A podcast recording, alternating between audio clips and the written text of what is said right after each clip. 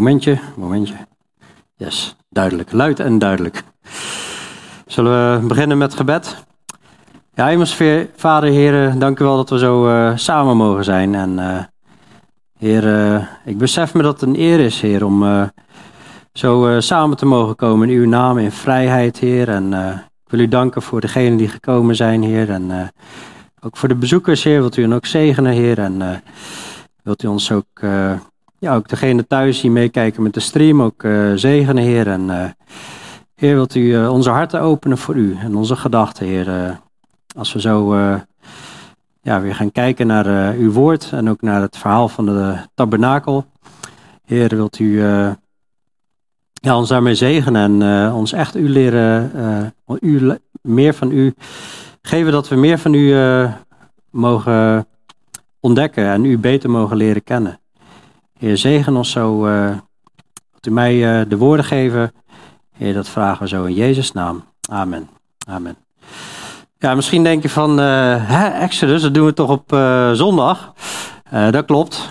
En alleen deze week even niet. Um, Onno en ik hebben samen een beetje een, een planning. En ik zou dan eigenlijk de tabernakel doen zondag. Maar zondag gaan we doopdienst houden. Dus uh, om de planning voor de rest niet al te van de war te gooien, doen we dan gewoon vanavond. En dat ja, maakt helemaal niet uit. Het is gewoon Gods woord. Dus uh, um, ja, we gaan het hebben over de, de tabernakel.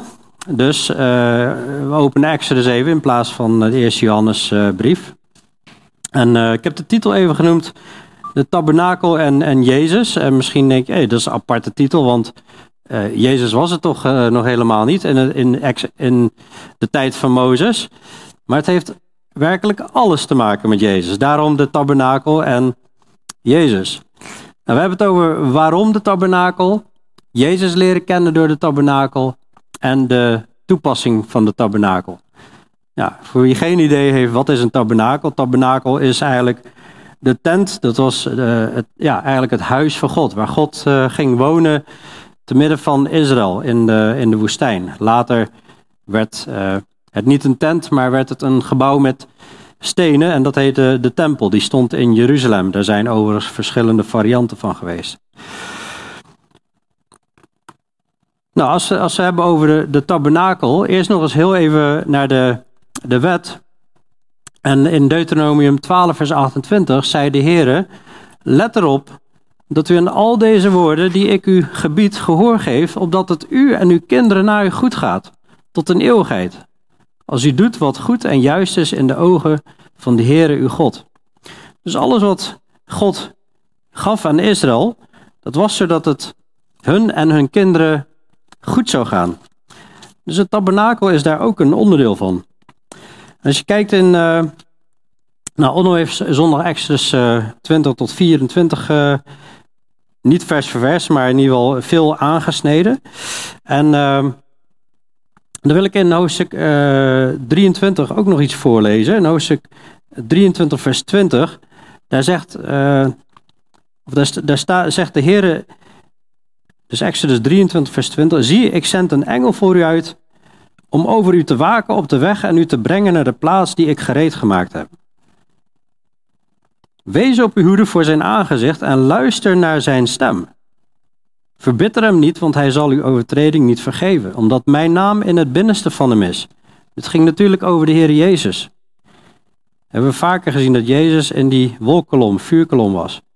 Maar als u aandachtig naar zijn stem luistert en alles doet wat ik spreken zal, zal ik de vijand van uw vijanden zijn en de tegenstander van hen die u in het nauw brengen. Nou, en eh, dan, komen, dan zie je allemaal zegeningen als ze, als ze luisteren naar, naar God.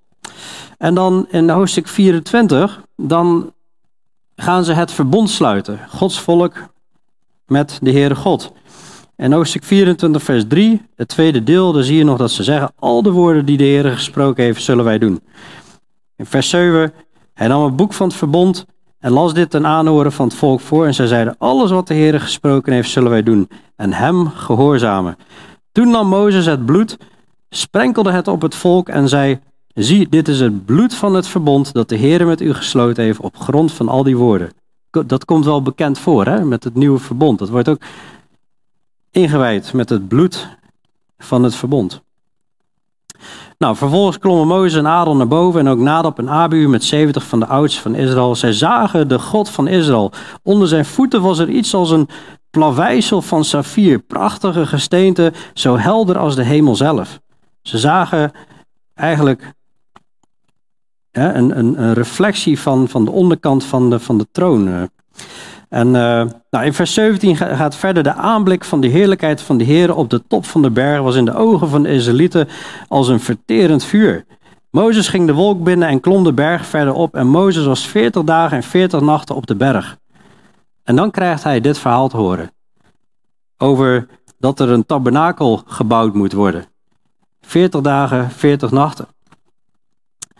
En uh, nou, nog heel even, even terug. waarom de wet? Zondag heeft Onno een, een en ander verteld over de, over de wet. Dat was ja, eigenlijk om, om um, te zorgen dat hè, de, de uiterlijke, de zichtbare zonden beperkt zouden worden. Maar het dealt nog niet met het, met het hart. Het is ook om Gods volk te besturen. Hè, tot civiele wetten, burgerlijke wetten. Maar ook om geestelijke waarheden te tonen. En er staat niet letterlijk het kind in de buik van de moeder is heel kostbaar, maar dat heeft Onno wel aangetoond. Geestelijke waarheden staan daarin. En de wet leert natuurlijk zonde kennen. En je had dan dus ook ceremoniële wetten, hè, die gingen over de tabernakeldienst en de priesterschap. En God geeft dus uiteindelijk een, een, een zichtbare afbeelding voor Gods volk van een tabernakel, iets wat in de hemel is. En God wil onder de mensen wonen, zegt hij. En dat zag je al in de Hof van Eden. Daar wandelde God, waar de mensen waren, toen alles nog volmaakt was. Maar nu via Israël wil God bij de mensen wonen, vanuit het tabernakel. Of in het tabernakel wil hij in in hun midden zijn. Via Jezus nu op dit moment wil ook God bij ons wonen. Zie, ik ben met u al de dagen tot het einde van de wereld. Ons lichaam is een tempel van zijn geest ook. Maar in de nieuwe hemel en de nieuwe aarde straks, daar zie je ook. En er staat op een gegeven moment in het ene laatste hoofdstuk van de Bijbel. Ik hoorde een luide stem uit de hemel zeggen: Zie, de tent van God is bij de mensen en hij zal bij hen wonen. En zij zullen zijn volk zijn en God zal zelf bij hen zijn en hun God zijn. En dus in de nieuwe hemel en de nieuwe aarde. Maar hoe kan een heilig God, heilig betekent God is zuiver, volmaakt, puur, er kan geen enkele zonde bij hem komen. Hoe kan een heilig God leven onder zondige mensen? En zo heilig dat hij ook gaat dealen met elke zonde. God kan geen zonde tolereren. Zonde wordt ook geoordeeld. Hoe kan hij nou onder de mensen wonen? En wat als het nou misgaat en de mens toch uiteindelijk zondigt? En waarom wil God eigenlijk onder de mensen wonen? Als hij dan toch zo heilig is, waarom wil hij dan onder de mensen wonen? Nou, in ieder geval, daar kijken we zo naar, maar God is heel duidelijk. In Exodus 25, vers 8, wanneer hij begint over de tabernakel, zegt hij, zij moeten voor mij een heiligdom maken, zodat ik in hun midden kan wonen volgens alles wat ik u zal tonen, een ontwerp van de tabernakel en een ontwerp van al zijn voorwerpen. Zo moet u het maken. Dus Mozes is daar op de berg en die krijgt het ontwerp te zien. Die krijgt eigenlijk het origineel zelf te zien, zullen we straks ontdekken. En dit heet, dit noemen ze later ook het huis van God. Hoe mooi is dat? Wij heten huis van God, maar dit wordt het huis van God genoemd. En als wij dit model goed begrijpen, begrijpen we ook veel beter wat het huis van God inhoudt. Dus je kan denken van als je dit leest, Exodus 25 tot 40, ik kom uit de bouw en in de bouw heb je vaak bouwkundige bestekken. En die zijn soms een paar honderd pagina's en dat is het meest saaie wat je ooit kan lezen. Dat is gewoon alleen maar regeltje, regeltje, de plankje, schroefje en dit moet daar. En dan eh, heel droog is dat. Maar het is wel super belangrijk, want daarin staat precies hoe het bouwwerk moet worden. En God geeft hier een compleet bouwwerk. En als je het zo leest, dan is het eigenlijk gewoon, ja, dit moet je maken, moet zo zijn en zo'n afmeting hebben. En het is eigenlijk best wel theoretisch, maar er zit een heel mooi geestelijk beeld achter. Nou, nogmaals, waarom de tabernakel? Eigenlijk, waarom behandelen we dit überhaupt ook? Nou, de tabernakel moest er komen omdat God het zegt. Zo simpel is het. Kunnen we heel lang over hebben. Maar het is ook een onderdeel van de Bijbel. En God vindt het belangrijk, dus moet ik het ook belangrijk vinden, want Hij heeft het gegeven in zijn woord. En het is zelfs gegeven en, het is noodzakelijk om in contact te komen met God. Er was op dat moment geen andere manier om in contact te komen met de levende God, schepper van hemel en aarde, dan via de tabernakel. Vanaf dat moment. Maar eigenlijk is er nu, dit is een plaatje van iets waar we nu in leven, op dezelfde manier is er maar één weg om in contact te komen met God. Nou goed, als je dan weer gezondigd had, dan werd het ook wel weer een, een, een probleem. God wil in het midden wonen, maar als Israëlieten zondigden of onrein waren, dan verontreinigden ze zelfs de tabernakel, Gods huis. Ook al waren ze niet eens daar aanwezig, bij Gods huis. En dat zie je op meerdere plekken. In Leviticus 15, vers 31 staat: Zo moeten de Israëlieten ver van hun onreinheid houden, zodat zij niet sterven in hun onreinheid, als zij mijn tabernakel die in hun midden is verontreinigen. In nummer 19 zie je ook wie daarentegen onrein is en zich niet ontzondigt. Die persoon moet uit het midden van de gemeente uitgeroeid worden. Stevige taal. Want hij heeft het heiligdom van de Heeren verontreinigd. Het reinigingswater is niet op hem gesprenkeld. Hij is onrein. En dus als, als mensen onrein waren of zondigden, dan leidde dat ertoe dat eigenlijk de tabernakel verontreinigd werd. Nou, dan zie je eigenlijk meteen al een les. Als je beseft, als je gelooft dat ons lichaam een tempel is van de Heilige Geest, dan is dat al een duidelijke les van, hé, hey, daar moeten we niet mee zondigen, want dan verontreinigen we Gods tempel. God gaf ook meteen aan hoe het kamp opgesteld moest worden. We hadden die paar miljoen Israëlieten die uit Egypte allemaal waren uitgetrokken.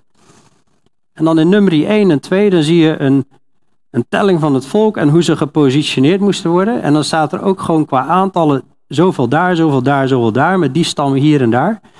En wat interessant, wat ik interessant vind, is dat de opstelling, de, de nummering zo is, dat als je dat uit zou tekenen, krijg je eigenlijk een, een vorm van een kruis.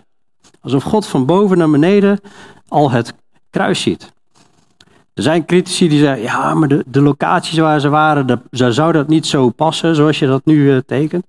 Nou, weet je, ik, ik vind het prima, ik, uh, maar ik denk dat de gedachte er wel, wel ergens in zit, in die verhoudingen. Maar het moest ook zo gepositioneerd worden dat de Levieten, uh, de Levieten, dat was dus een van de twaalf stammen van Israël, die moesten dienen in de tabernakel. Die moesten dus echt rondom, rondom de tabernakel zijn. En dan staat de Levieten moeten een kamp opslaan rondom de tabernakel van de getuigenis. Dan zal er geen grote toorn op de gemeenschap van de Israëlieten komen. Zo moeten de Levieten de voorschriften met betrekking tot de tabernakel van de getuigenis in acht nemen. Ja, als je nog herinnert, toen de eerste keer dat Mozes die, die berg opging, moesten mensen afstand houden. Niemand mocht die berg aanraken. Als iemand maar die berg aan zou raken, zou die gedood worden. Dan zou Gods toorn ontbranden. En hier zien we eigenlijk ook dat um, God is een heilige God.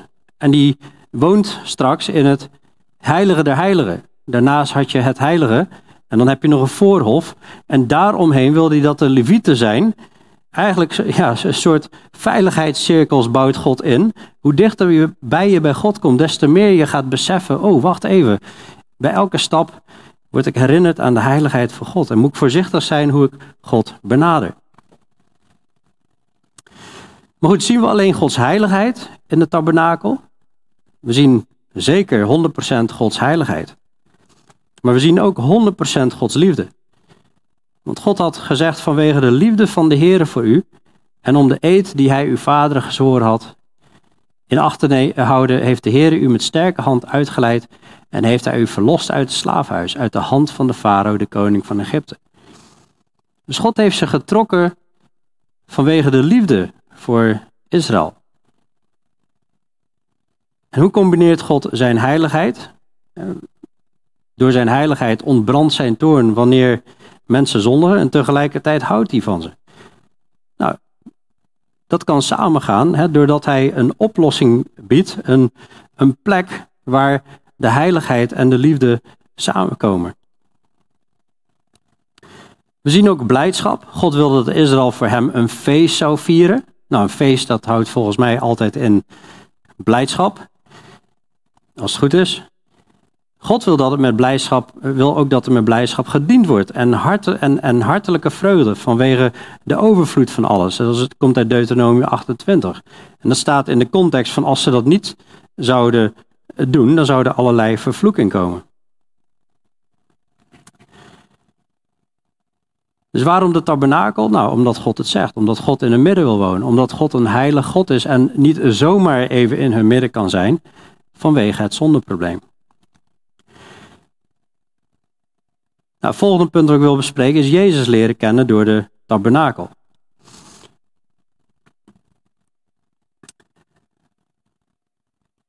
Nou, voordat we echt specifiek ingaan hè, op, op, op Jezus, maar dat komt ook bij het volgende punt wat ik ga, ga aanhalen, is eerst even een, een, korte uitleg over het tabernakel. Het tabernakel was omheind hè, met uh, ja, allemaal, allemaal palen met, met witte, witte kleden ertussen.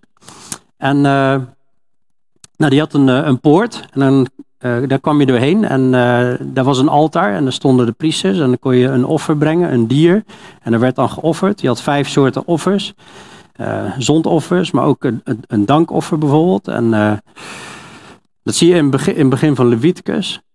En dan, dan kom je bij een koper, die was van koper trouwens, en dan kom je bij het koperen wasvat. Dan, kon je, konden de priesters zich reinigen, zeg maar voordat ze dan eigenlijk uh, de tent in gingen. En dan had je in het voorste deel had je uh, het heilige en dan had je het heilige de heilige. En in het heilige daar stond een menorah, een gouden kandelaar, een reukofferaltaar en een tafel met uh, twaalf broden erop. En in het heilige de heilige had je de, de ark van het verbond, waar eigenlijk de heerlijkheid van God in het midden was. Maar allereerst even van, ja, wie gaat dat hele verhaal betalen? Uh, dat staat ook in Exodus 25, vers, vers 1 eigenlijk. Hè, van, toen sprak de Heer tot Mozes, spreek tot de Israëlieten en zeg dat zij voor mij een hefoffer nemen. U moet van iedereen wiens hart hem gewillig maakt, iedereen die dit van harte wil doen, een hefoffer voor me nemen.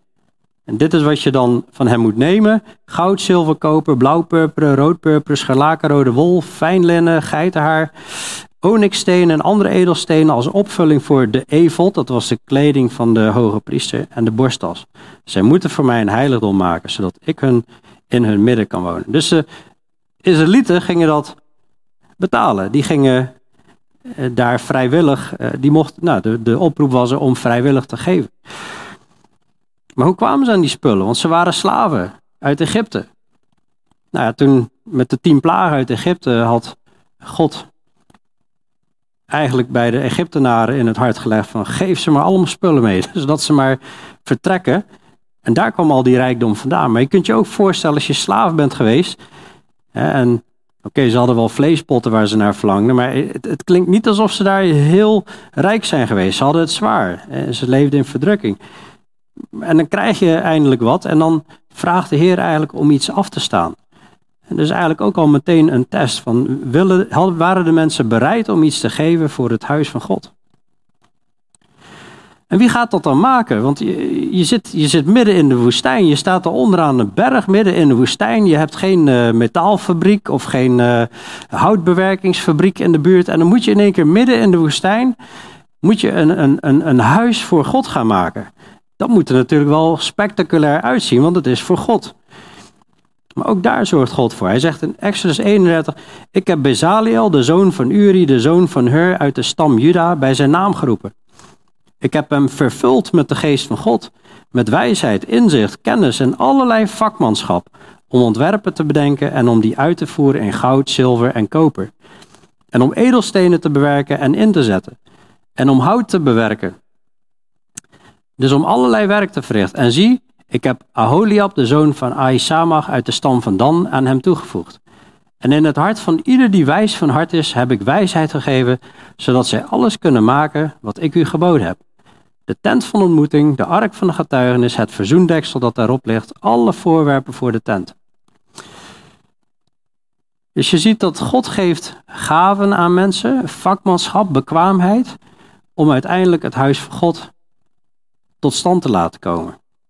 Wat je natuurlijk ook ziet in onze tijd, en dat God geestelijke gaven geeft, zodat het huis van God gebouwd kan worden. Dus wat hebben we allemaal? We hebben een opdrachtgever, dat is God. We hebben een hoofdontwerper, dat is God. En dan in detail, dan geeft God vakmanschap aan bepaalde mensen. We hebben bouwers, mensen vervuld met de geest om Gods bouwwerk uit te voeren. We hebben materialen, die kwamen uit Egypte, die zijn door God geschonken. En nu moet het nog uitgevoerd gaan worden door mensen. En dan moet ook nog gecontroleerd worden of het klopt. Dat gebeurt ook door mensen. En dat is eigenlijk wat je ziet van Exodus 25 tot en met 40. Dat ze krijgen instructies hoe het gebouwd moet worden. Dan gaan ze het bouwen en dan gaan ze nog omschrijven hoe het gebouwd is. En dat vind ik mooi, dat laatste. Dat, dat er gecontroleerd wordt of Gods woord op de goede manier uitgevoerd wordt. En eh, dat is in ons allen de taak om te kijken van wat we in de gemeente doen. Is dat bijbels? Voeren wij de dingen uit op Gods manier?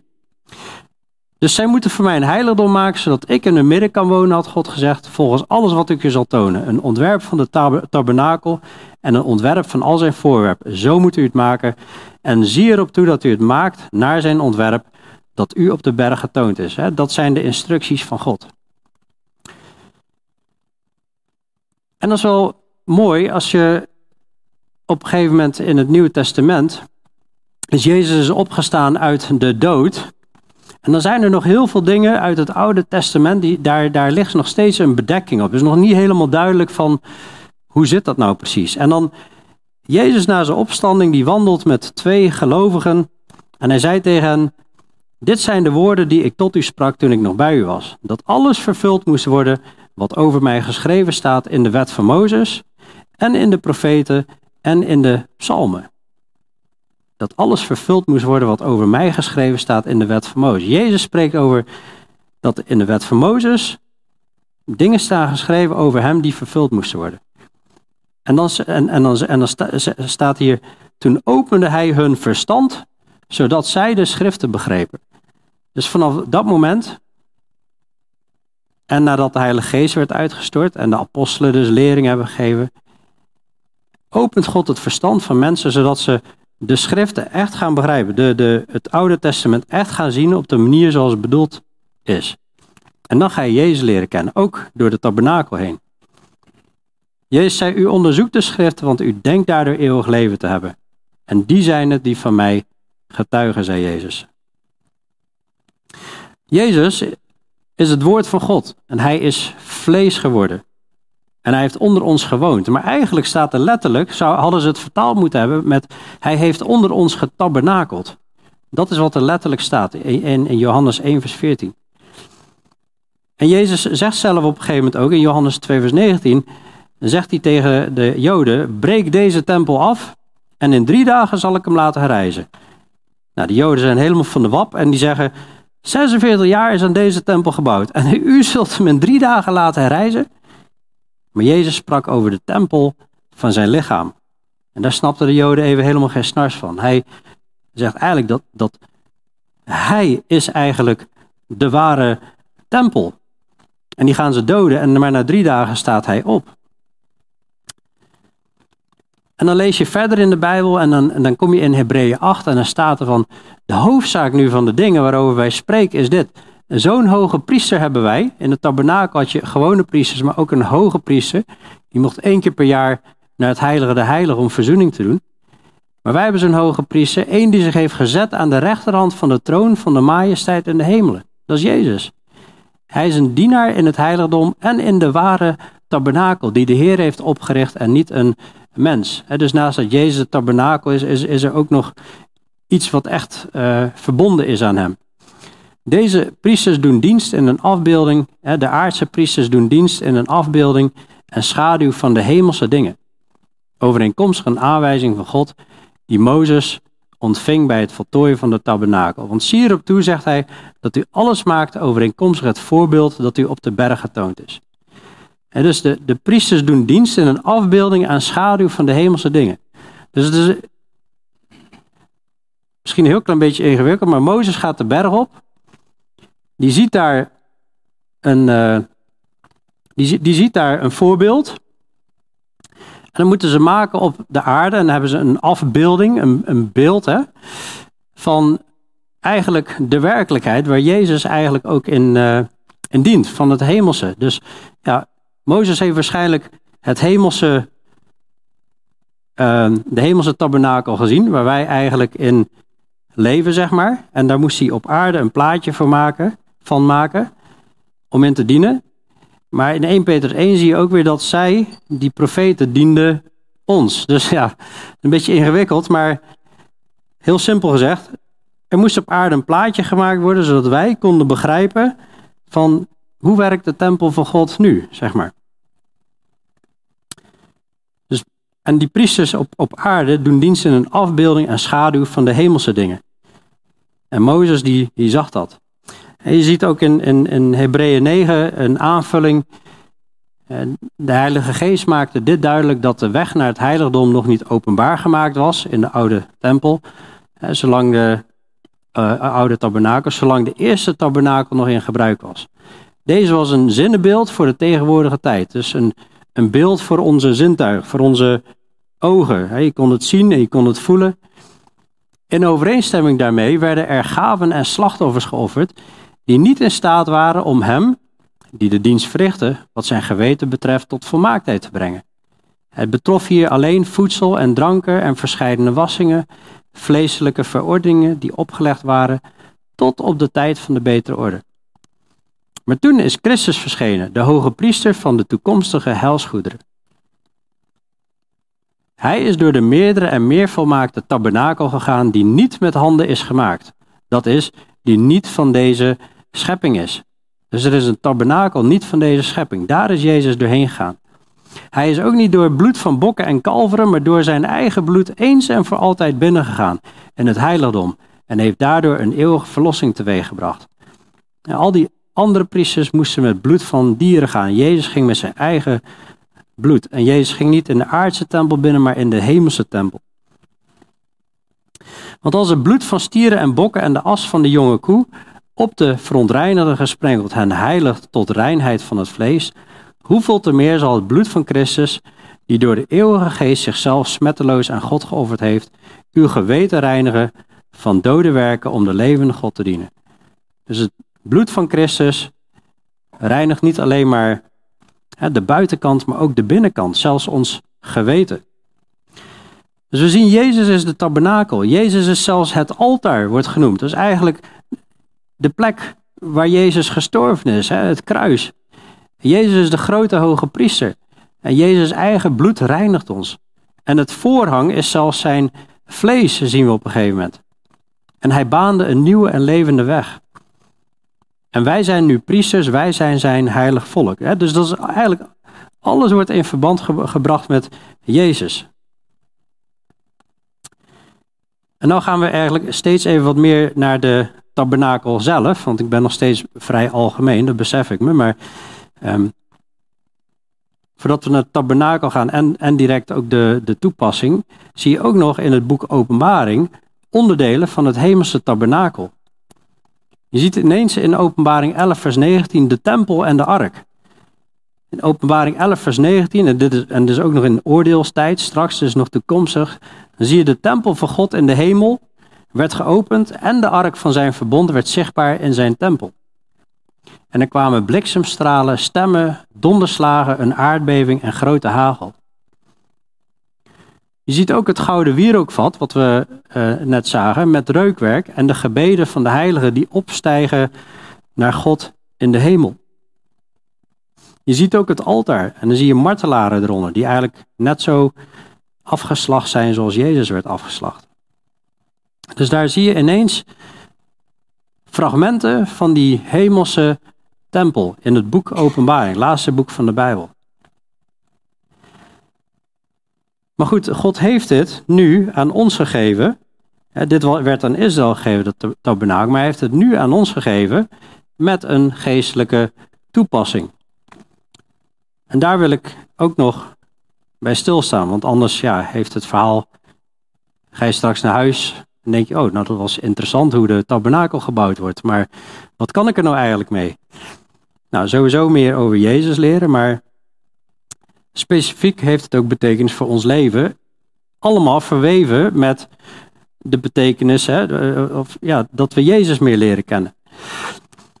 Nou, je had dus dat voorhof, maar dat voorhof, dat was wel een afscheiding.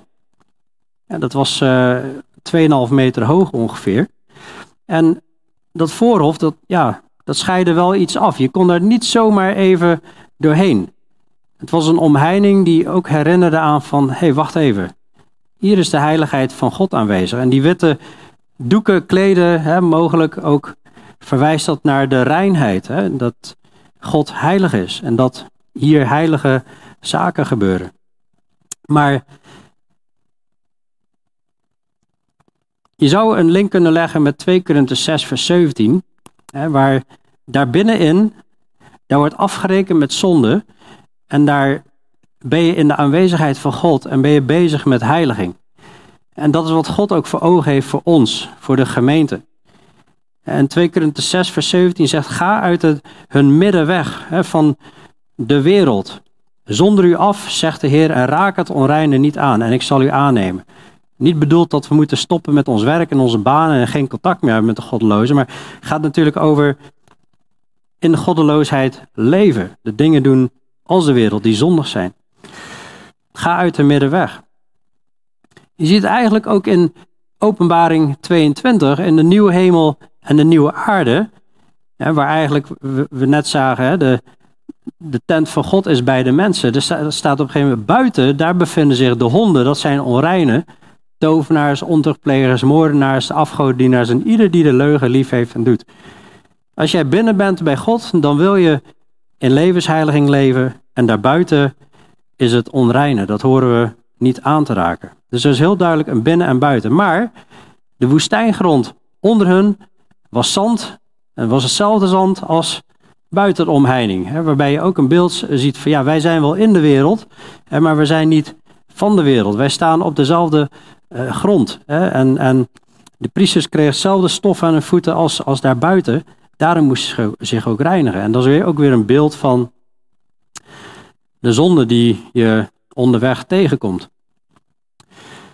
Nou, heel schematisch zie je hier dus de, het heilige der heilige, Gods aanwezigheid. Je had het heilige, je had het voorhof. En er was maar één route om bij God te komen. Er is maar één weg. Daaromheen waren de levieten en daaromheen was het volk van God. Maar heel belangrijk, er was één poort, er was één weg naar binnen, één weg naar het altaar en dan de verdere reiniging. En dan beginnen we met eigenlijk het eerste punt van de tabernakel, dat is de toegang. Waarbij we zien dat Jezus zegt, ik ben de deur. Als iemand door mij naar binnen gaat, zal hij behouden worden. En hij zal ingaan en uitgaan en weide vinden. Als je ziet dat al die onderdelen zoals het altaar, dat spreekt van de Heer Jezus en um, nou ja, hij is de tabernakel, dan wijzen al die onderdelen wijzen naar hem. En, en eh, wij komen alleen maar door Jezus komen wij bij de Vader. Ik ben de weg, ik ben de waarheid, ik ben het leven, zei Jezus. Niemand komt tot de Vader dan door mij. En die poort had allemaal hele mooie kleuren. Er wordt niet uitgelegd wat die kleuren betekenen. Eh, maar er zijn wel mensen die daar gedachten over hebben. En uh, ja, het zou, het zou kunnen, kunnen wijzen, die vier kleuren, hè, dat het wit wijst naar de reinheid, het blauw naar het hemelse. Uh, je had scharlakenrood, hè, wat je terugziet ook van, uh, uh, ja, dat zou kunnen verwijzen naar het, het, het, bloed van, van Jezus. En dat er zo allemaal heenwijzingen zijn naar Jezus, maar goed. Um,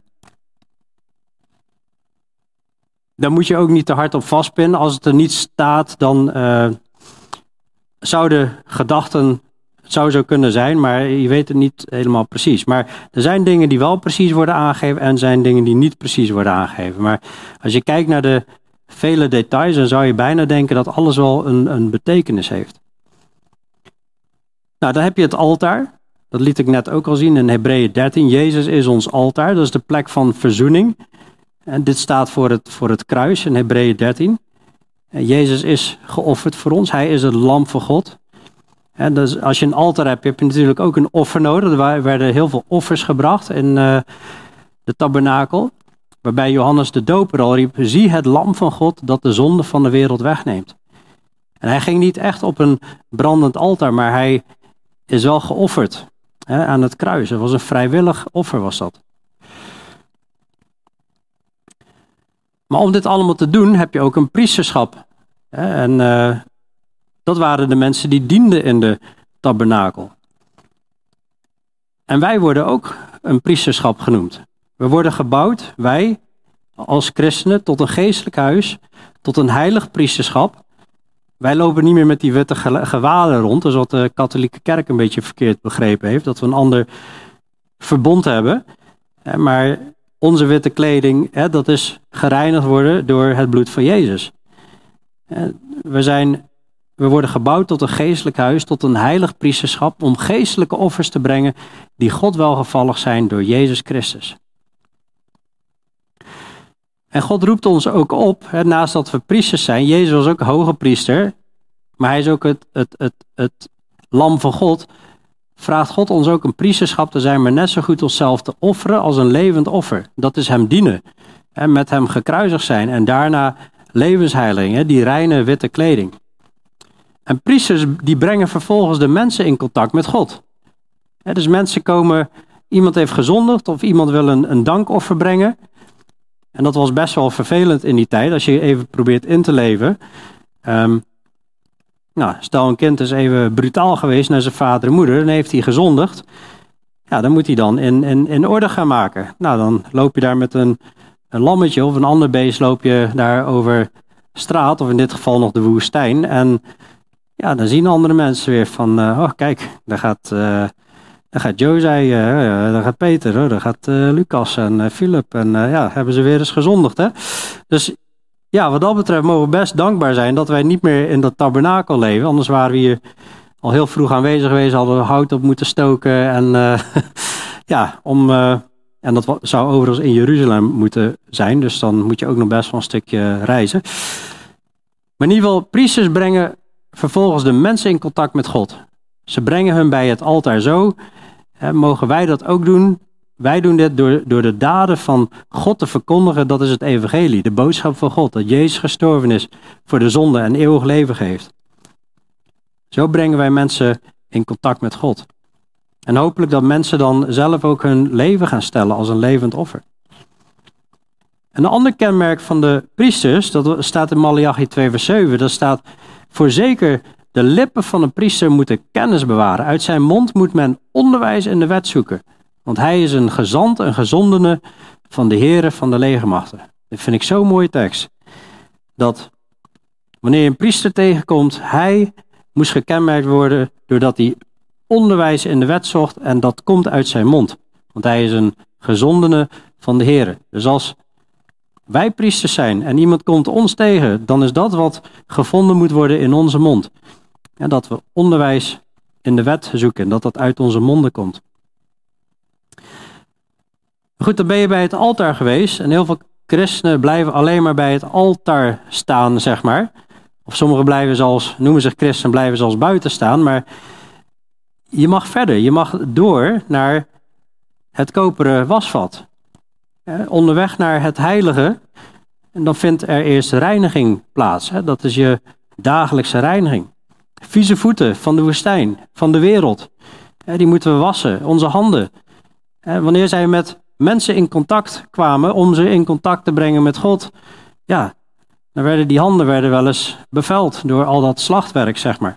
Als wij met mensen in contact komen, kunnen we ook hè, met allemaal zonden in contact komen, maar ook hè, we wandelen in de wereld en onze voeten moeten gewassen worden. En dan zie je ook dat Jezus, hè, die waste de voeten van de discipelen. Maar dat staat weer voor een nederige houding hebben, maar ook elkaar vermanen als je iets, iets ziet in elkaars leven.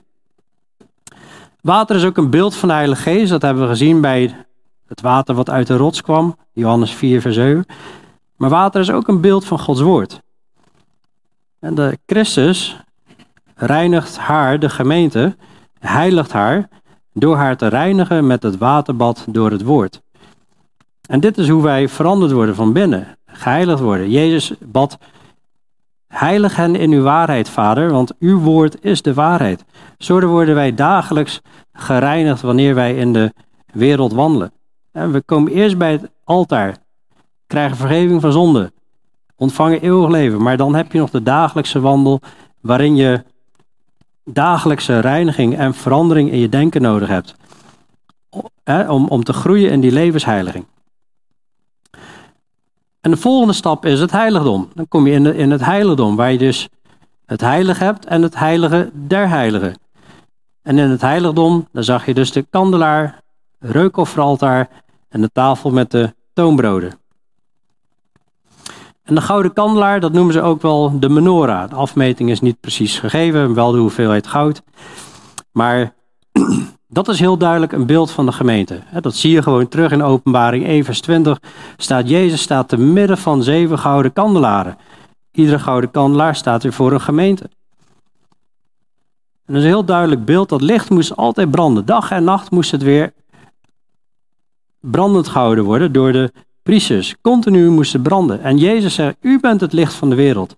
Een stad die bovenop een berg ligt kan niet verborgen zijn. Laat uw licht zo schijnen voor de mensen, dat zij uw goede werken zien en uw Vader die in de hemel is verheerlijken. En Zacharia 4, dat leert dat de kandelaar met zeven lampen, dat staat ook voor het werk van de Heilige Geest. En Zacharia ziet een kandelaar vragen, wat is de betekenis? En dan zegt de Heere, dit is het woord van de Heere tot Zerebabel, niet door kracht, niet door geweld, maar door mijn geest, zegt de Heere van de legermacht. Dat het Gods werk gebeurt door de kracht van de Heilige Geest. Niet door kracht en geweld van mensen, maar door mijn geest. Daarom is gebed ook zo belangrijk. Dat we echt vragen of de geest dingen wil bewerken. Dan heb je de tafel met de twaalf toonbroden. Want natuurlijk, nergens staat letterlijk de toonbroden staan precies hiervoor, maar je ziet heel duidelijk het beeld dat Jezus is het brood des levens. Hij is het die leven geeft. Dat is eeuwig leven. Maar we bidden ook, we hebben nog gezongen zo net, geef ons vandaag ons dagelijks brood. Dat staat in Onze Vader. Het staat ook voor God die voorziet voor zijn volk. Twaalf broden, voor elke stam één. Maar het aantal broden herinnert de priesters ook dat ze Gods volk horen te dienen. Twaalf broden voor iedere stam. Dus het, het vertegenwoordigt eigenlijk ook gewoon, gewoon Israël. En God is de voorziener van het leven. Zowel het geestelijk leven als het fysieke leven. En dat moest ook in de tabernakel staan. En dan kom je bij het wierookvat. En daar werd een, een reukwerk gebracht. En dat reukwerk dat staat in verbinding met het gebed. En dan zie je in Lucas 1 vers 10 bij Zacharias, de vader van Johannes de Doper, die gaat op een gegeven moment de tempel in. En heel de menigte van het volk was buiten aan het bidden op het uur van het reukoffer. Buiten zijn ze aan bidden, binnen wordt het reukoffer gebracht, zodat er een heerlijk, heerlijke geur mee omhoog stijgt met het gebed. En zo ziet God ook onze gebeden. Je ziet ook in openbaring 8, in, ook weer in uh, de eindtijd, dan zie je ook ineens weer het reukofferaltaar. Er kwam een andere engel met een gouden wierookvat bij het altaar staan. Aan hem werd veel reukwerk gegeven, opdat hij dat samen met de gebeden van alle heiligen op het gouden altaar voor de troon zou leggen. En de rook van het reukwerk steeg met de gebeden van de heiligen uit de hand van de engel op tot voor God. Het wordt ook wel het gouden altaar genoemd. Buiten had je een koperen altaar, binnen was er een gouden altaar of reukofferaltaar. Binnen waren alle voorwerpen overigens goud. Kom ik zo even op terug. Goud staat voor de heiligheid van God. Buiten was het koper, dat heeft ook een betekenis. Maar we zien ook in Hebreeën 13, laten wij altijd door hem een lofoffer brengen door Christus aan God, namelijk de vrucht van lippen die zijn naam beleiden.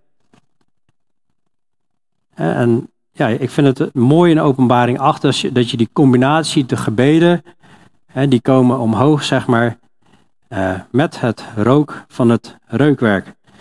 En dus op het moment dat we de gebeden op laten gaan, is dat ook een reukwerk voor God. Als we lof brengen. Maar we mogen ook onze vragen bij hem neerleggen. En vervolgens kom je bij het voorhang. En dat voorhang dat was natuurlijk gesloten in het Oude Testament. Hè? Dus niemand mocht daarbij komen. No Entry, alleen de hoge priester, één keer per jaar op de grote verzoendag mocht hij verzoening doen voor het hele volk. De hoge priester mocht één keer per jaar de ark van het verbond zien. Voor de rest niemand. Maar dat voorhang, dat scheurde op het moment dat Jezus stierf aan het kruis. Toen scheurde het voorhang. Er was een aardbeving, het was drie uur donker, midden op de dag. Er gingen graven open en mensen stonden op uit de dood nadat Jezus opstond. Maar dat dat voorhang scheurde, dat was echt shocking voor de Joden, want dat kon echt niet. De, de, de ark van het verbond mocht niemand zien. Hè? Dat was heel erg, dat was heilig. Er zijn mensen om gestorven. Maar Hebreeën 10 vers 19 zegt, omdat wij nu broeders vrijmoedigheid hebben om in te gaan in het heiligdom door het bloed van Jezus, langs een nieuwe en levende weg die hij voor ons heeft ingewijd, door het voorhangsel, dat is door zijn vlees, dus ook het voorhang staat voor het lichaam van Christus. Dat scheurde en dat opende de weg naar de Vader. Dat opende de weg naar het heilige der heiligen. En omdat wij een grote priester hebben over het huis van God, laten wij tot hem naderen met een waarachtig hart. In volle zekerheid van het geloof. Nu ons hart gereinigd is van een slecht geweten en ons lichaam gewassen is met rein water. Als je dit leest, hè, dan, dan, dan, dan, dan schreeuwt God het eigenlijk uit van Kom alsjeblieft naar binnen, want ik heb alles mogelijk gemaakt, zodat jullie tot mij kunnen naderen. Laten wij met hem naderen, met een waarachtig hart, in volle zekerheid, hart gereinigd, eh, geen slecht geweten meer. Ons lichaam is gewassen met rein water.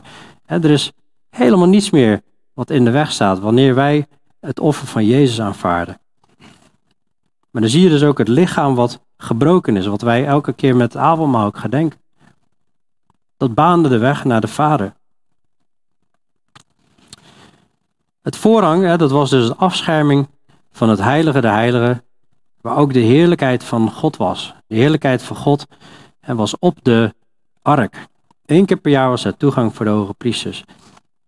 En er waren ook alle, op het voorhang waren ook allemaal plaatjes van gerubs. Dat zijn engelen. En die eigenlijk in het heilige, in de tabernakel van God inzien.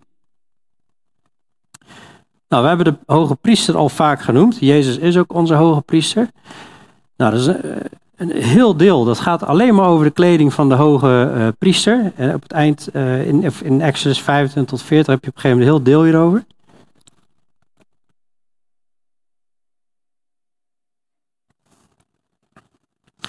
En dat was bijzondere kleding. Was Aaron, de broer van Mozes, en al zijn zonen na hem uit zijn generaties. Daaruit kwamen de hoge priesters. Die werden elke keer eens in de zoveel tijd vervangen dus. Op de grote verzoendag, staat in Leviticus 16, vieren de Joden nog steeds, mochten ze één keer per jaar het heilige der heiligen in om verzoening te doen voor het hele volk. Ze hebben alleen nog geen uh, uh, tempel nu op dit moment, maar er was prachtige kleding eigenlijk. Hè. Voorop, het voorhoofd van de hoge priester, was een gouden plaat. En daarop stond heiligheid van de Heer. En van vanwege deze gouden plaat, geloof ik en geloven anderen ook, dat het goud echt uh, in verbinding staat met de heiligheid van de Heer. Want in het tabernakel, in de tentcellen, waren alle objecten waren ofwel uh, van puur goud, zoals de, de kandelaar, of het was hout overtrokken met goud want je bent daar in het heilige en in het heilige de heilige. Buiten, in de voorhof, had je het koperen wasvat en het koperen altaar. En koper staat eigenlijk steeds in verbinding met, met, met oordeel. Je hebt op een gegeven moment die koperen slang die ze op moesten richten. In Deuteronomium 28 spreekt God over dat als Israël ongehoorzaam is, zal ik de hemel als brons maken. Er zal geen regen vallen. Er zal allemaal vervloeking komen. Maar je ziet ook in Openbaring 1, wanneer Jezus verschijnt, en dan verschijnt hij met voeten van koper als in een oven verwarmd. Dat, staat steeds in verbinding met oordeel. En, het altaar is waar Jezus geoordeeld wordt. Je had twaalf prachtige edelstenen op de borst. En uh, die twaalf stenen staan voor de twaalf stammen, waarbij je eigenlijk ziet dat Gods volk, dat ligt eigenlijk op het hart van de hoge priester. En Jezus is onze grote hoge priester. Wij zijn zijn volk. Dus zie je eigenlijk dat wij op zijn hart liggen. En er waren ook twee stenen in, de Urim en de Tumim. Daarmee raadpleegden ze God, zochten ze leiding van uh, God. Hoe dat precies gebeurt, gebeurde, werd niet, wordt niet uitgelegd in de Bijbel. Maar wij mogen naar Jezus toe en daar mogen we om leiding vragen, hè, wanneer we belangrijke keuzes moeten maken. En je had edelstenen van de stammen, die lagen ook op zijn schouders. Hè. Dus het volk werd eigenlijk gedragen op de schouders van de hoge priester. Er zijn zulke mooie beelden als je het als je vergelijkt met wat Jezus, onze hoge priester, allemaal doet. En Hebreeën 9 spreekt over toen is Christus verschenen, de hoge priester van de toekomstige helsgoederen waar wij nu in leven. Daarom is hij de, de middelaar, de bemiddelaar van het Nieuwe Testament. Opdat nu de dood heeft plaatsgevonden tot verzoening van de overtredingen die er onder het eerste verbond waren, de geroepenen de belofte van de eeuwige erfenis ontvangen. Dat is het eeuwig leven. We hebben een middelaar hij is hoge priester van de toekomstige, van de hemelse tempel. En we krijgen het eeuwige leven in hem. En er staat in Hebreeën 10 vers 12, deze priester is nadat hij één slachtoffer voor de zonde geofferd had, tot een eeuwigheid gezeten aan de rechterhand van God. Dus een bijzondere hoge priester. Niet zomaar een priester, maar iemand die zit aan de rechterhand van God. Als middelaar. En dan krijg je de ark van het verbond. Niemand mocht hem zien, zei ik al. Behalve de hoge priester. één keer per jaar. De tabernakel moest af en toe ingepakt en verhuisd worden. Die moest dan bekleed worden. En dus tijdens het transport is zelfs iemand geweest die hem aanraakte en die stierf ter plekke.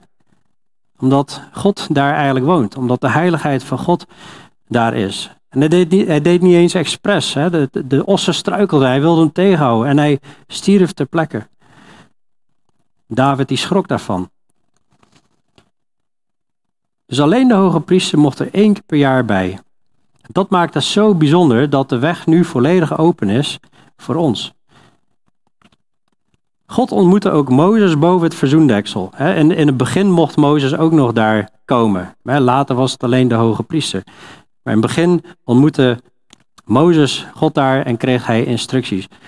Overigens is ook wel weer interessant dat um, in, op een gegeven moment wordt steeds gesproken over de tent van ontmoeting, waar Mozes met God sprak. En dat was blijkbaar een eigen tent.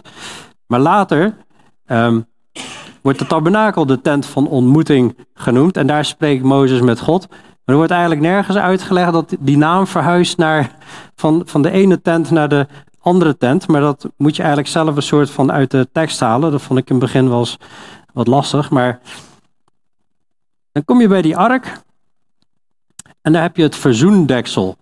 bovenop die kist was een deksel en daar vond de verzoening plaats. Er wordt in het Engels ook wel vertaald als de mercy seat of de troon van genade.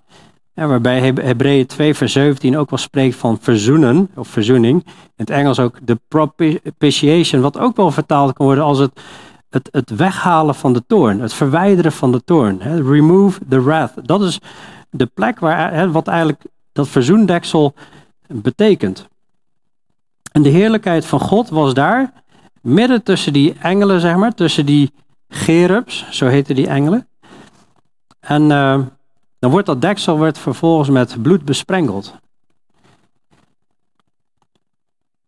Maar je kan, um, ja, um, nee, daar kom ik zo even, even op, maar um, lees nog even een stukje uit Hebreeën 9. Achter het tweede voorhangsel was het gedeelte van de tabernakel dat het heilige der heiligen werd genoemd. Dat uh, legt Hebreeën 9 nog eens uit.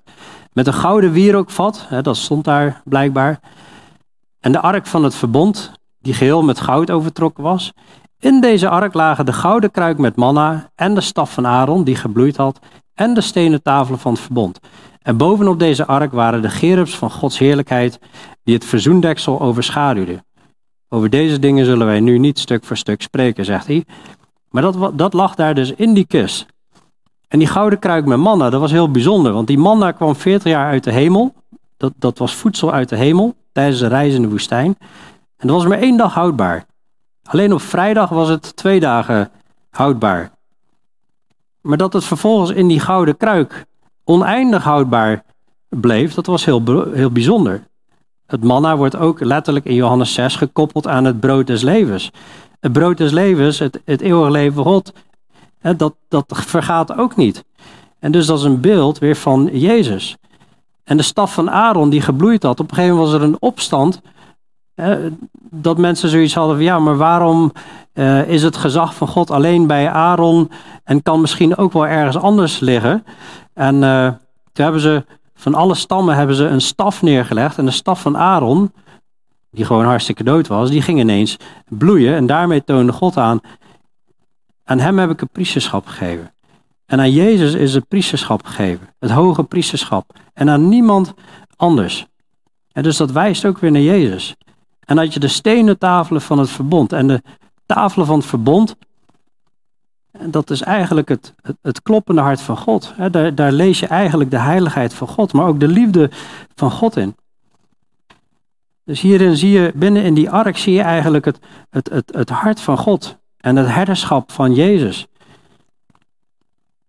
Je kunt je voorstellen als God daar boven die ark staat, in zijn heerlijkheid, en hij kijkt naar die wet en hij kijkt vervolgens naar, die, naar de mensen om hem heen, daar in dat kamp. En dat hij denkt, ja, maar dit is mijn wet, maar wat, wat bakken die mensen ervan?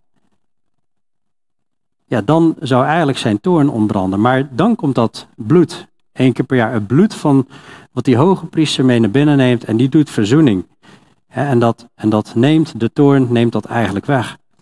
Waardoor de heerlijkheid van God in het midden van het volk kan blijven. Nou, vervolgens zie je ook nog allemaal tentkleden over die tabernakel heen. Um, heeft waarschijnlijk ook allemaal weer betekenis, maar uh, ben ik zelf ook nog niet uit wat er allemaal precies is. Maar uh, wordt ook niet uitgelegd. Maar wat wel bijzonder is, keek je naar boven, dan was deze bedrukt met gerubs, met engelen. Alsof je in de hemelse gewesten keek. En, en we lezen ook in 1 Petrus 1 dat gerubs, engelen zijn begeerig om in te zien in wat wij doen. Wij zijn hier niet zomaar een, een tennisclub of zo. Wij zijn de gemeente van de levende God. En engelen zijn begeerig om in te zien in wat wij doen. En dat beeld zie je daar al in de tabernakel. En wij zijn nu, onze lichamen zijn een tempel van de Heilige Geest. Nou, ik heb thuis een, uh, een boekje. Ik had hem eigenlijk mee willen nemen. Volgens mij, uh, nee, dat heb ik niet meegenomen. Ik heb thuis een boekje dat heet Huis van God, maar ook Huis van Goud.